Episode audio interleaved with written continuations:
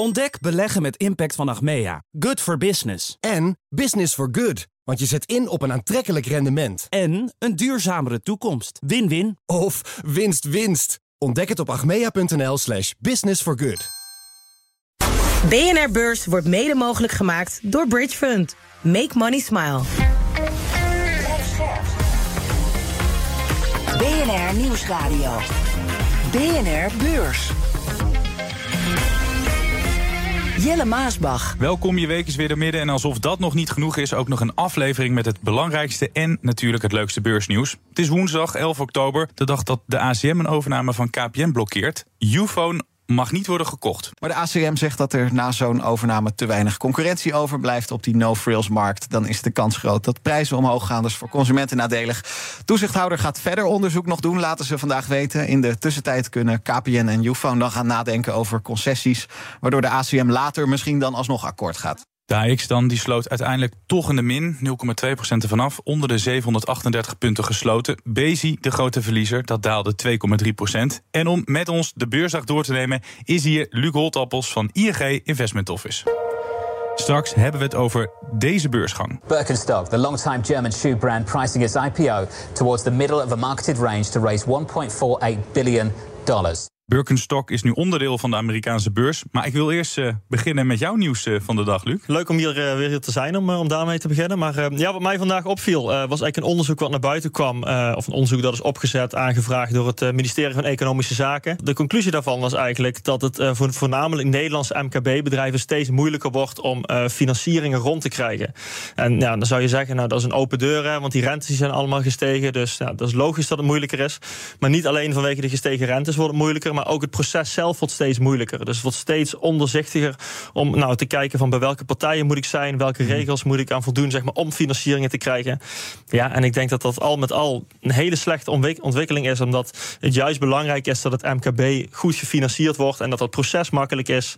Uh, ja, juist omdat het MKB een beetje de backbone van uh, onze ja, samenleving de, de economie is. worden we altijd, hè? Precies. Dus moeten we ons dan zorgen maken? Ja, ja misschien wel een beetje. Um, ik denk als je kijkt, um, de, de berichtgevingen de laatste maanden is dat ja, de economie blijft uh, aardig hangen. Hè, van in ieder geval in de Verenigde Staten dan. In Europa ook wel een beetje. Uh, de beurzen die hebben het op zich niet slecht gedaan dit jaar. Maar kijk, dat, dat, dat, dat, uh, dat ligt allemaal op een sterke arbeidsmarkt. Hè. En mm -hmm. kijk, als op het moment dat het MKB scheur gaat vertonen, dan kan ook die sterke arbeidsmarkt misschien wel eens wat gaan afvlakken. En dat lijkt me op zich geen goed signaal. Nee, wil ik beginnen met een van de grootste daders binnen de AX vandaag. Dat is Randstad. Dat had last van een concurrent. Die concurrent is Page Group, komt uit het Verenigd Koninkrijk en kwam met een winstwaarschuwing. Uitdagende marktontwikkelingen beïnvloeden onze prestaties in Azië, het Verenigd Koninkrijk en de Verenigde Staten, is hun boodschap. Nou, koers van dat bedrijf onderuit. En uh, door dat alles ging ook de koers van Randstad naar beneden. Sloot uiteindelijk een procent in de min. Kunnen we nu ook slechte kwartaalcijfers van, van Randstad verwachten? Of is dit een overdreven schrikreactie? Nou, ik denk een bedrijf als Randstad op zich, het, het is een erg cyclisch bedrijf in de hele uitzendbranche. Um, wat, je, wat je daar vooral ziet, is dat die gewoon last hebben van dat er overal personeelstekorten zijn. Hè? Dus dat maakt die uitzendbranche op dit moment gewoon veel lastiger.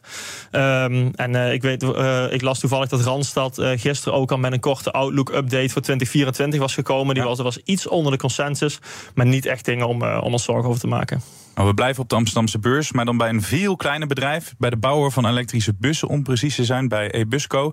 Ondanks leveringsproblemen, een gehalveerd aandeel, een miljoenenverlies en personeelstekorten is de baas van eBusco positief, want er komt weer winst aan. Ja, volgend jaar. We zijn natuurlijk in 18, 19 en 20 al EBITDA positief geweest en, ja, en, ja. en, winstgevend. Afgelopen jaren is dat niet gelukt door omstandigheden, maar wij verwachten dus in 24 al wel weer een, een EBITDA positief te zijn. Peter Bijvelds hoorde je, CEO van Airbusco. Heel veel tegenslagen noemde ik al op. Ik heb bijna de slappe lach van dat je denkt, hoeveel tegenslagen kan je aan?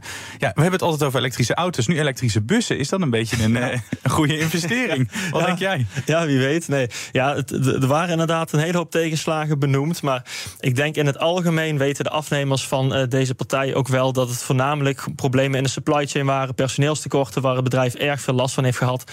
Dus ik vind het op zich nog niet zo'n heel raar idee... dat die CEO nou aangeeft dat uh, misschien het ergste wel achter de rug is... en dat er in de toekomst wel weer gewoon winst gemaakt kan worden. Want in principe zitten ze wel in een goede tak, denk ik. Hè? Ja. De hele elektrificatie van de samenleving. Dus ja, als, als die trend bij auto's er is, waarom dan niet bij bussen? Dus ik zou zeggen misschien wel een beginnende groeimarkt. Even iets anders. Ben je met de auto naar BNR gekomen? Nee, met de fiets. Met de fiets, oké, dan gaat mijn hele bruggetje. Parkeer jij wel eens je auto bij Q-Park of heb je geen auto? ik heb zelf op dit moment geen auto. Want ik heb eigenlijk alles wat ik moet hebben hier een beetje in Amsterdam en in mijn buurt. Dus, uh... Ik had het beter even kunnen checken, want ik vraag het omdat ik een verhaal las van Bloomberg. Namelijk dat de Amerikaanse investeerder KKR zijn parkeergarages van Q-Park wil uh, verpatsen. Die zouden maar liefst 4 miljard moeten opleveren. KKR zou al in gesprek zijn met adviseurs en zouden uh, volgend jaar al kopers willen peilen. Sinds 2017 is het in bezit van KKR. Nou, daar hebben ze de nodige dividend uitgehaald. En ze betaalden er 3 miljard voor in 2017. Dus dan zouden ze een, een miljard euro aan verdienen. Dat is op zich wel een netjes rendement, toch? Als we het zo bekijken. Ja, nee, zeker, absoluut. De grootste overname van het jaar komt uit de oliehoek. ExxonMobil keepert even 60 miljard dollar neer om een bedrijf in Texas te kopen. Maar we beginnen natuurlijk met het beursdebuut van Birkenstock. big deal for the Blote voeten op de handelsvloer van Wall Street. Voor 46 dollar per aandeel ging Birkenstock naar de beurs. En dat uh, maakte dat er een prijskaartje van uh, dik 8,5 miljard dollar aan het bedrijf hangt. De openingskoers is er nog steeds niet. Die komt zo meteen hopelijk. Eerste belangrijkste vraag. Loopt Luc bij Mooi weer met Birkenstocks rond? Nee, ik zelf niet. ik ben er zelf niet zo'n enorme fan van. Ik had wel een, een, opa die er heel erg fan van was, oh. van dat soort sandalen.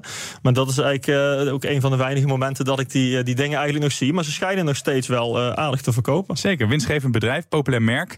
Wat vind je van die waardering? Want ik lees heel veel berichten dat het best wel behoorlijk geprijsd is. Of zeg je nou, ja, ze hadden in eerste instantie een range aangegeven van ik dacht tussen de 42 en 49 dollar Precies, of 44 en 49 dollar. Daar zijn ze een beetje tussenin gaan zitten met 46. Of die waardering dan gerechtvaardigd is, dat zal blijken bij, uh, bij de opening. Hè. Maar ik, ik denk over het algemeen dat beleggers er wel redelijk enthousiast over zijn. Het is een partij die uh, ook veel met modehuizen aanhaakt. Hè, om echt een merk echt naar voren te schuiven, ja. om dat te promoten. Ja. Ze hebben de laatste tijd ook uh, enorme groei laten zien. Ik dacht van uh, 700 miljoen drie jaar geleden nog naar vorig jaar al oh, 1,2 mm. miljard of iets dergelijks.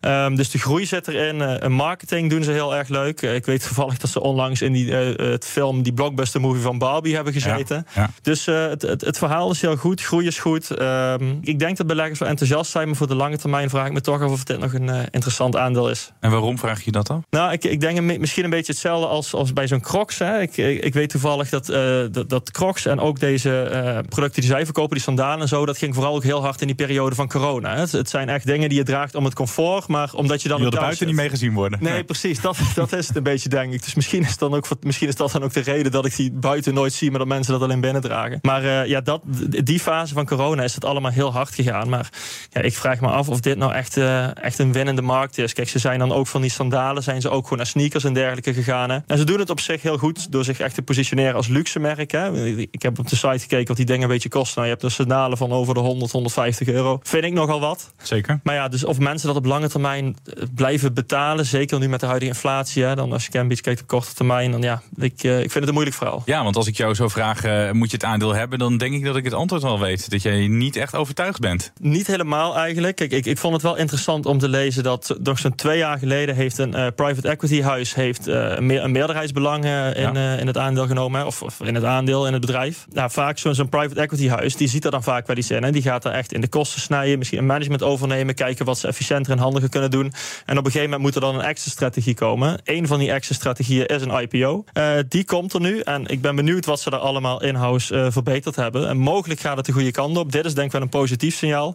Maar ja, ik, uh, ik heb er toch wel een beetje mijn vraagtekens bij. Je had het net over Barbie, de grote kaskraker van 2023. Die draagt ze in de film en heel veel mensen zeggen nu Barbie heeft die beursgang in, in gang gezet. Ik vind dat wel een beetje veel eer. Ik weet niet hoe jij daar. Uh, ja, lijkt me ook wel een beetje veel eer. Ik, ik, ik weet ook niet of, dat, of het bedrijf zelf daar een rol in heeft gehad. Dat, dat die sandalen daar in die, in die film werden uh, getoond. Um, het lijkt me ook wat veel eer om dat er nou echt aan toe te schrijven. Maar het zal ongetwijfeld geholpen hebben als je kijkt naar het succes van die film. Dus, uh... Ja, er was ook een gerucht dat LVMH een belang zou willen opbouwen in Birkenstock. Zou dat het aandeel wel ten goede komen als die Fransen een belang gaan opbouwen? Het zou wel het vertrouwen van beleggers doen versterken, denk ik. Want uh, LVMH die heeft natuurlijk uh, een enorme legacy van tig aantal merken die ze enorm succesvol hebben opgebouwd. En als zij aantonen dat ze hier vertrouwen in hebben, dat zou wel, uh, denk ik, een enorme boost zijn. We hebben nu de nodige beursgangen gezien. Instacart bijvoorbeeld, laatste arm. Dan komt deze erbij. Als deze succesvol wordt, nogmaals, we moeten de openingskoers en de waardering nog even binnenkrijgen. Zet dat de deur open naar meer? Ehm, ja, mogelijk wel. Kijk, we hebben hebben natuurlijk in, in 2021 hebben we best wel veel IPO's gezien. Hè. Toen waren de omstandigheden in de markt ook heel goed daarvoor. In 2022 een heel stuk minder. Nu was ik voor op begin dit jaar uh, ik heel erg benieuwd hoe dat zou doormodderen. Hè, omdat 2022 niet zo'n goed jaar was. En we kwamen een beetje moeilijk van de grond. Maar nu zijn de eerste IPO's alweer geweest. Onder andere ARM die je noemt. Ja, nu deze. Ik denk als het een succes wordt, zou het wel helpen. Maar ik denk dat het vooral heel, gewoon heel erg belangrijk is wat de financiële markten doen. Als die een beetje blijven liggen of de goede kant op gaan. Als de economie sterk blijft. Dan zal ongetwijfeld uh, ook het aantal IPO's aantrekken. Samsung uh, komt aan het einde van deze maand met de kwartaalcijfers, maar bereiden de aandeelhouders alvast voor. The company releasing guidance for a 78% year-over-year drop in operating profit for the most recent quarter. Jawel, de winst zal met 78% dalen en uitkomen op uh, omgerekend 1,7 miljard euro. Dat komt aan de ene kant omdat mensen voorzichtiger worden en minder telefoons en elektronica kopen. Aan de andere kant, zegt Samsung, is de vraag naar geheugenchips zwak. En toen zagen we vandaag, na die mededeling, bedrijven als ASML en Bezi dalen op het Damrak. Nou ja, Bezi de grootste dalen. Zijn die zorgen dan gelijk terecht? Nou, dat valt denk ik wel mee. Um, je zag het aandeel Samsung vandaag ook omhoog schieten. Hè? Ja. Um, kijk, uh, die chipmarkt heeft natuurlijk heel lang heel, uh, heel moeilijk gehad. Of de laatste maanden eigenlijk al, de laatste jaar zou je kunnen zeggen. En in tijden van corona ging dat uh, heel erg goed. Toen kochten mensen veel elektronica. Hè. En Samsung is natuurlijk actief en in de elektronica, dus in de apparaten, maar ook in de chipindustrie. Dus dat, het, het, het, het, raakt eigenlijk beide kanten. Maar toen is er dus heel veel gekocht. En ja, toen, ja, op een gegeven moment hebben mensen die spullen. En ja, het is nu drie jaar geleden dat, dat die enorme vraag naar die spullen er kwam. Ja. Uh, wat ook ja, dan verklaart dat er daarna een korte dip is. Maar ik denk dat dat zich weer wel kan gaan herstellen. en ja, die, die cijfers die je net noemt van uh, 78 procent, ja. 78% van de winst af. Dat is natuurlijk enorm. Maar ik denk dat beleggers ergens wel een sprankje hoog hebben dat het nu wel uh, een beetje is uitgebodend. En dat het ergste bij Samsung inderdaad wel is ge gebeurd. En dat ASML, ASMI en Bezi niet zulke dramatische cijfers gaan laten zien. Nee, ik verwacht dat dat wel meevalt. Um, ik, kijk, wat ik net al aangaf, het is een sector die het lang moeilijk heeft gehad. Uh, maar ik denk dat er op dit moment wel weer uh, een klein beetje die wolken verdwijnen... en dat het wel weer uh, de goede kant op kan gaan. Dus het is geen sector die je als belegger even links moet laten liggen? Nee, lijkt me niet. Het lijkt me wel goed om selectief te kijken... bij welke bedrijven je dan wilt zitten. Misschien voorzichtigheidshalve, kijk, in die large caps bij een ASML of zo... daar zit je in mijn inziens altijd wel aardig goed. Hè? Geldt ja. trouwens ook voor Bezi ook wel. en ASMI ook. En bedrijven als Samsung, ja, die zijn zo enorm groot... Ik denk uiteindelijk wordt daar wordt zoveel ook aan innovatie en uh, R&D gedaan. Uiteindelijk denk ik wel gewoon dat die een hele sterke speler zijn en dat het zich gewoon allemaal wel weer zal uh, herstellen. BNR Beurs. Gaan we buurten Wall Street. De Dow Jones staat twee tienden van de procent lager. De S&P 500 staat een tiende van de procent in de min. En de Nasdaq wint dan wel 0,2 procent om precies te zijn. Maar ook even kijken naar een oude reus die opvalt. ExxonMobil, dat gaat uh, naar beneden. Beleggers die zijn niet heel erg blij met het nieuws waarmee ze komen. 5 procent gaat op dit moment van het aandeel af. ExxonMobil legt maar liefst 60 miljard dollar op tafel om oliewinningsbedrijf Pioneer te kopen. Dat is hun grootste overname sinds 1999. Was er net het jaar dat Exxon zelf fuseerde met Mobile. Pioneer is de grootste olieproducent op de grens van de Amerikaanse staten Texas en New Mexico. Heeft een immens veld waarvoor miljarden vaten aan olie onder de grond liggen. En daarmee ook gelijk even de grootste oliereserve van de Verenigde Staten. Nou, dat is duidelijk. Exxon gaat zich definitief richten op uh, fossiel. Dat uh, duurzame verhaal, dat, uh, daar zijn ze even klaar mee, lijkt het wel. Snap je dat? Dat is inderdaad een enorm verschil wat je ziet hè, bij energiebedrijven in Europa ten opzichte van de Verenigde Staten. In Europa moet het allemaal een beetje gaan om duurzaamheid. Hè. Dan zijn die toezichthouders ook allemaal wat strenger. Daarom zie je ook dat die waarderingen van Amerikaanse energiebedrijven echt aanzienlijk, of van Europese energiebedrijven aanzienlijk lager zijn dan die van Amerikaanse. Want daar in Amerika is dat toezicht allemaal wat minder. En die doen eigenlijk gewoon wat de belegger of wat de investeerder wil. En dan krijg je dus ook dit soort overnames die ja. eigenlijk dan uh, ja, schaamteloos zou je misschien kunnen zeggen gewoon doorgaan. Omdat ze gewoon enorm veel uh, investeren, nog steeds in fossiel. En ja, laten we ook wel wezen, het is nog steeds nodig, hè, al die fossiele brandstoffen. Het is ook uh, onmogelijk om daar nu in één keer mee op te houden. Ja, het, het, het is een behoorlijke stap. En, Wat ja. doen wij hier dan nog moeilijk in Europa als, als die fuck you van, van die Amerikanen wordt gegeven en wij maar heel braaf ja, nee, dat, ja, En dat is inderdaad kritiek die je vaker hoort. Hè, op, of dan zo aan beide kanten. Aan de ene kant op Europese toezichthouders. Hè, van waarom moeten wij nou weer het beste jongetje van de klas zijn. Commentaar aan de Amerikaanse kant is dan vaak van ja. Moet het allemaal niet wat strenger. Ehm, uiteindelijk zie je gewoon dat beleggers blij zijn met dit soort uh, keuzes. Ehm, en ik denk ook voor de toekomst van Exxon dat ze hier toch wel een hele behoorlijke speler mee uh, binnen hebben gehaald. En dat het uiteindelijk wel ook gewoon weer voor, voor groei kan zorgen. Vinden wij natuurlijk altijd heel leuk als, als nerds om dit te zien. Want dan denk je, er komen nog meer overnames aan in die olie- en gassector. Verwacht jij die ook? vind ik lastig om te zeggen of het echt nou specifiek binnen die olie- en gassector meer overnames aankomen. Wat je wel ziet in die sector is dat al die bedrijven op enorme hopen cash zitten. Hè? Ook ExxonMobil. die moeten er wat mee. Ja, die, moet, die moeten daar iets mee. En uh, om dat te blijven investeren en daar groter te blijven worden, dat vinden beleggers op zich altijd een, uh, een goede optie om, ja, om met dat overtollige cash te doen. Dus het is echt uh, overnames of opkopen aandelen of uitkeren in dividend. Dus ja, in die zin kijken naar hoeveel cash daar nog steeds aanwezig is, denk ik wel. En ook kijken hoe, hoe, hoeveel grote partijen er zijn. Hè? Want het zijn echt een paar selectieve hele grote partijen. Dat, ja, het zou het goed kunnen dat er nog meer overnames gaan plaatsvinden. Ja, want Shell heeft uh, al gezegd, de nieuwe topman heeft gezegd... we willen dat de beurswaarde van Shell uh, in de buurt komt van Exxon en, en Chevron. Dan zou je zeggen, dan moeten ze ook een enorme aankoop doen op het gebied van, van fossiel. Uh, ja, maar ik vraag me af of dat gaat gebeuren. ik, uh, ik, ik, denk dat Europese spelers toch wel. Uh, ja, je, je moet eigenlijk de, twee kanten moet je tevreden houden. Hè. Aan de ene kant ook de beleggers, en aan de ene kant een beetje de zitten echt in de spagaat, hè? Ja, er zit een beetje in de spagaat. Je hebt beleggers en je hebt de samenleving. Ik denk dat voor partijen als Shell dat ze toch altijd wel met, ja, ook met één been zeg maar, in het duurzame hoekje ja. willen blijven staan. En dat dat toch moeilijk is. Wat ook nog kan, is dat Shell zelf een overnamekandidaat wordt. Je hoort de energie-expert Gilles van den Beukel. Ja, Shell is wel een beetje benauwd voor een overname.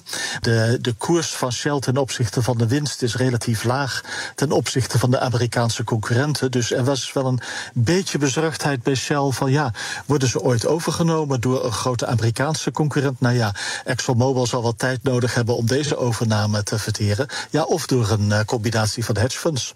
Jillis van den Beukel, excuus. Is Shell nu uh, prooi geworden? Nou, ik denk dat het uh, prooi geworden vind ik wel een heel groot woord. Ik denk Shell is, uh, het, het, is ook niet heel, heel laag gewaardeerd of iets dergelijks. Hè. Kijk, de waarderingen zijn natuurlijk lager dan in Amerika, maar nog niet zo laag dat het denk ik een overname prooi is. En Shell op zich is ook zelf nog steeds een hele grote speler. Dus nee, dat vermoed ik niet. Er gaat geen, partij, geen Amerikaanse partij nu in één keer aan de deur bij, bij Shell rammelen? Nee, voorzie, voorzie ik op korte termijn nog niet, nee. BNR Beurs.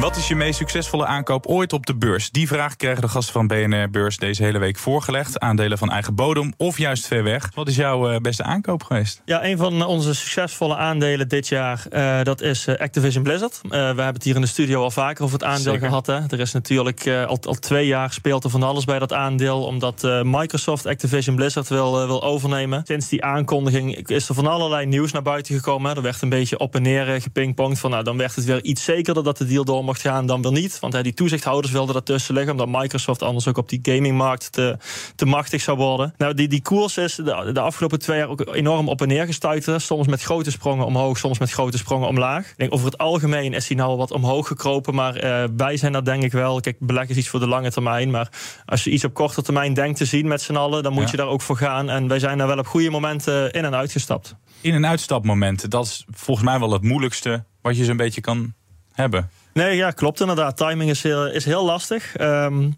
ja, wat, wat, wat wij toen zagen, dat is toen uh, op een gegeven moment uh, de toezichthouders in uh, Engeland weer voor gingen liggen. Toen, toen maakte het, het aandeel echt een knal omlaag. Ja. Dat, dat, was in mei van dit jaar, dacht ik even in mijn hoofd. begin mei of halverwege mei. toen zijn we een keer goed gaan kijken naar die hele case van Activision. Nou, het bedrijf op zichzelf is ook gewoon een heel, een heel goed verhaal. Hè? Die hebben een hele goede pipeline met goede ja. games. Uh, ze hebben een hele hoop cash. Uh, winst en verlies ziet er allemaal goed uit. Um, dus ja, uiteindelijk ga je dan kijken van... joh, weet je wel, is deze koersval nou gerechtvaardigd? En toen hebben we toch besloten om dat weer op te pikken. Nou, uiteindelijk kwam er dus weer een bericht... dat die overname toch wel iets waarschijnlijker was geworden. En uh, daarop sprong de koers weer omhoog. Dus dat was een mooie rit. Ja, deze overname soap die speelt al anderhalf jaar. Microsoft biedt 95 dollar per aandeel. Het schommelt een beetje rond die, rond die koers. Jullie zijn in- en uitgestapt de hele tijd. Maar denken jullie dat die nu echt gaat gebeuren, deze overname?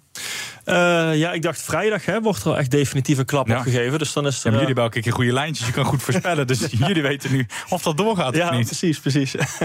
nee, als het goed is wordt hier vrijdag echt definitief een klap opgegeven. En het lijkt mij een beetje een, uh, een uitgemaakte zaak... dat nu echt deze deal gesloten gaat worden. Was op de 95 dollar was dacht ik inderdaad. En ik zag dat die vandaag al rond 94, nog wat dollar schommelde. Dus eigenlijk, ja, beleggers gaan er al van uit dat dit, een, uh, dat dit gewoon doorgaat. En uh, dat Microsoft straks officieel eigenaar is van, van Activision Blizzard. Cijferseizoen komt op stoom. Een nieuwe dag betekent dan ook nieuwe cijfers. Je hoort collega Sam van Zuilen. Het is de dag van de F'jes, Vagion en Fastnet. Om met die laatste te beginnen, het is niet bepaald het jaar van de snellader. Eigenlijk sowieso niet van bedrijven die actief zijn op de laadpalenmarkt. Ze doen het namelijk slecht op de beurs. Er is wel een klein lichtpuntje voor Fastnet, Duitsland. Daar sleepte het twee kavels in de wacht, waardoor het laadnetwerk bij de Oosterburen de komende jaren flink kan groeien. Maar ja, of de cijfers over het derde kwartaal ook zo flink zijn, dat is niet de verwachting. Van Farmaceuts Vagion komen dan zo goed als zeker betere cijfers. Eerder kregen beleggers namelijk de belofte dat voor dit jaar een hoge, eencijferige omzetgroei wordt behaald. En ook de winst zal blijven stijgen, voorspelt de directie. Tot slot krijgen we nog nieuws uit de VS. Daar komen de Amerikanen met de inflatiecijfers. Ja, met alle respect, dat zijn natuurlijk nog kleine bedrijven. Er komen nog heel wat grote jongens uit binnen- en buitenland uh, aan. Wat is nou zo'n bedrijf waar je het meeste naar uitkijkt dit cijferseizoen? Volgende week ASML les. Toch een beetje een stukje Nederlandse trots. Dus daar ben ik altijd heel benieuwd naar. En uiteraard gaan we met dit cijferseizoen weer traditioneel van start met uh, Amerikaanse banken. Dus dat, uh, dat, dat, ik ben benieuwd hoe die gaan aftrappen. Dus ook daar gaan we weer naar kijken. Dus die gaan we ongetwijfeld weer met jou bespreken de komende ja, tijd. Absoluut. Dit was de BNR-beurs van woensdag 11 oktober. Het werd uiteindelijk toch een best druk beursdagje. We hadden het over de beursgang van Birkenstock, maar ook over de Nederlandse beursbedrijven die onderuit gingen door waarschuwingen van buitenlandse namen. Randstad vanwege hun Brixse concurrent. En de Nederlandse chipbedrijven vanwege een winstalarm van Samsung. We bespraken een mega-overname in Olieland. En de beste belegging van Luc. Dank Luc Holtappels van ING Investment Office. Je hebt nog steeds geen Birkenstocks aan. En we hebben ook nog steeds geen, uh, geen openingskoers. Dus daar gaan we het morgen in BNR Beurs uh, ongetwijfeld over hebben. Wij zijn er dus morgen weer. Jij hopelijk ook. En heb je vragen? Stel ze vooral bnrbeurs.bnr.nl. Tot morgen. BNR Beurs wordt mede mogelijk gemaakt door Bridge Fund. Make money smile. Ontdek beleggen met impact van Achmea. Good for business. En business for good. Want je zet in op een aantrekkelijk rendement. En een duurzamere toekomst. Win-win. Of winst-winst. Ontdek het op achmea.nl slash business for good.